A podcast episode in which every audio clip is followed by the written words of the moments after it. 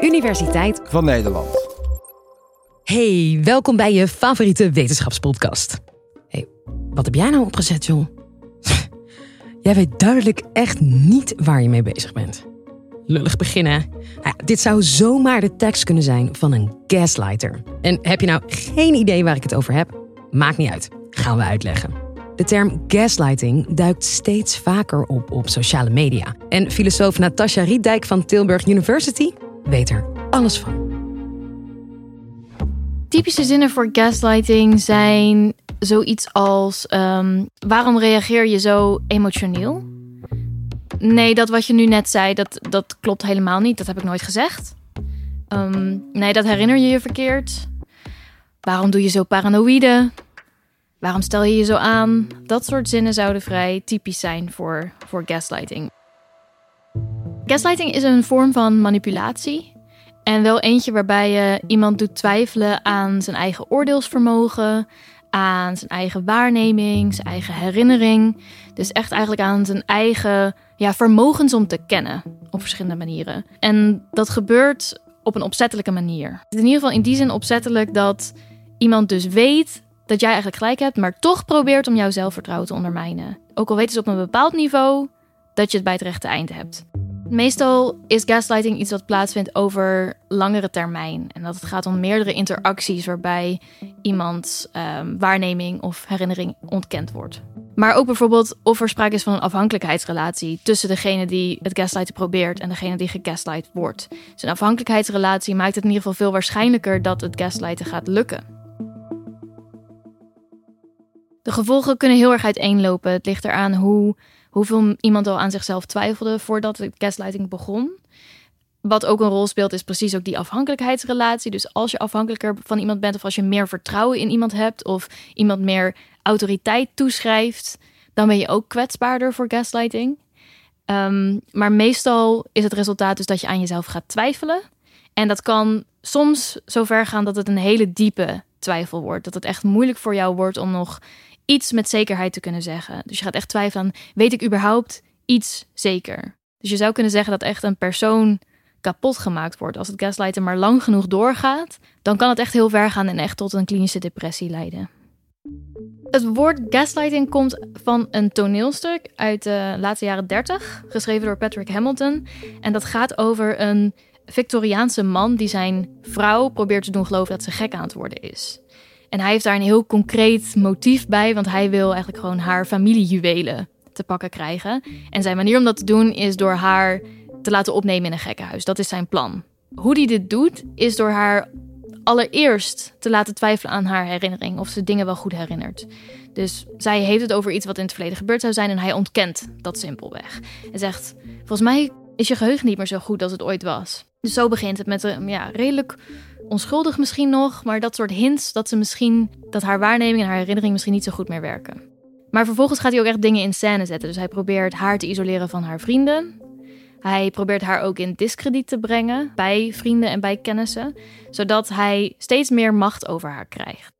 Hij vertelt haar ook: Het gaat niet goed met je, volgens mij ben je ziek.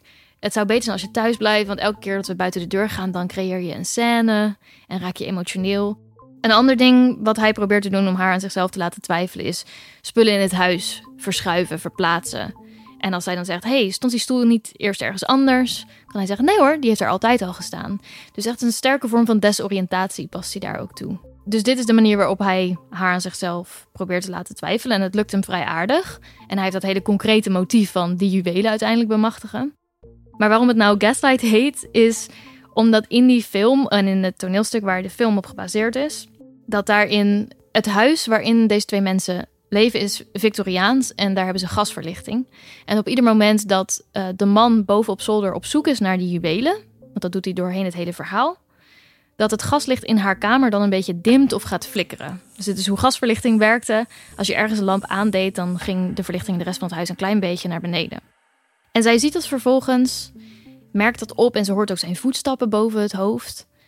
Maar hij ontkent dat dat kan zijn doordat hij daar was. Hij heeft een ander, ander verhaal, eigenlijk een tegennarratief voor wat hier aan de hand is, want hij was gewoon op zijn werk. Dus de enige manier waarop zij die voetstappen en dat licht zou hebben kunnen zien, is als zij gewoon niet meer 100% is. Dus dat is ook de uitleg die hij haar probeert te geven.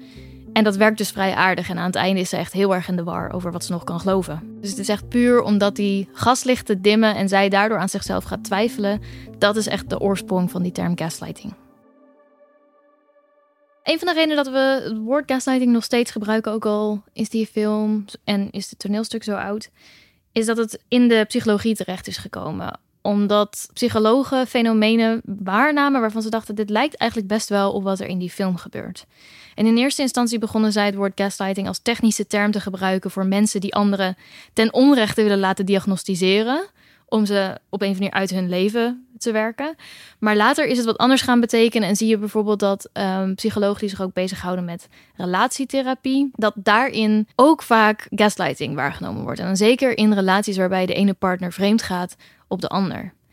Dus wat gebeurt er op het moment dat de ene partner de ander confronteert met het vreemdgaan? Nou, een van de manieren, een van de zelfverdedigingsmechanismen die je dan kunt toepassen, is gewoon ontkennen dat er iets aan de hand is en zeggen: Wat ben je paranoïde? Er is niets aan de hand. Jij bent gewoon onzeker.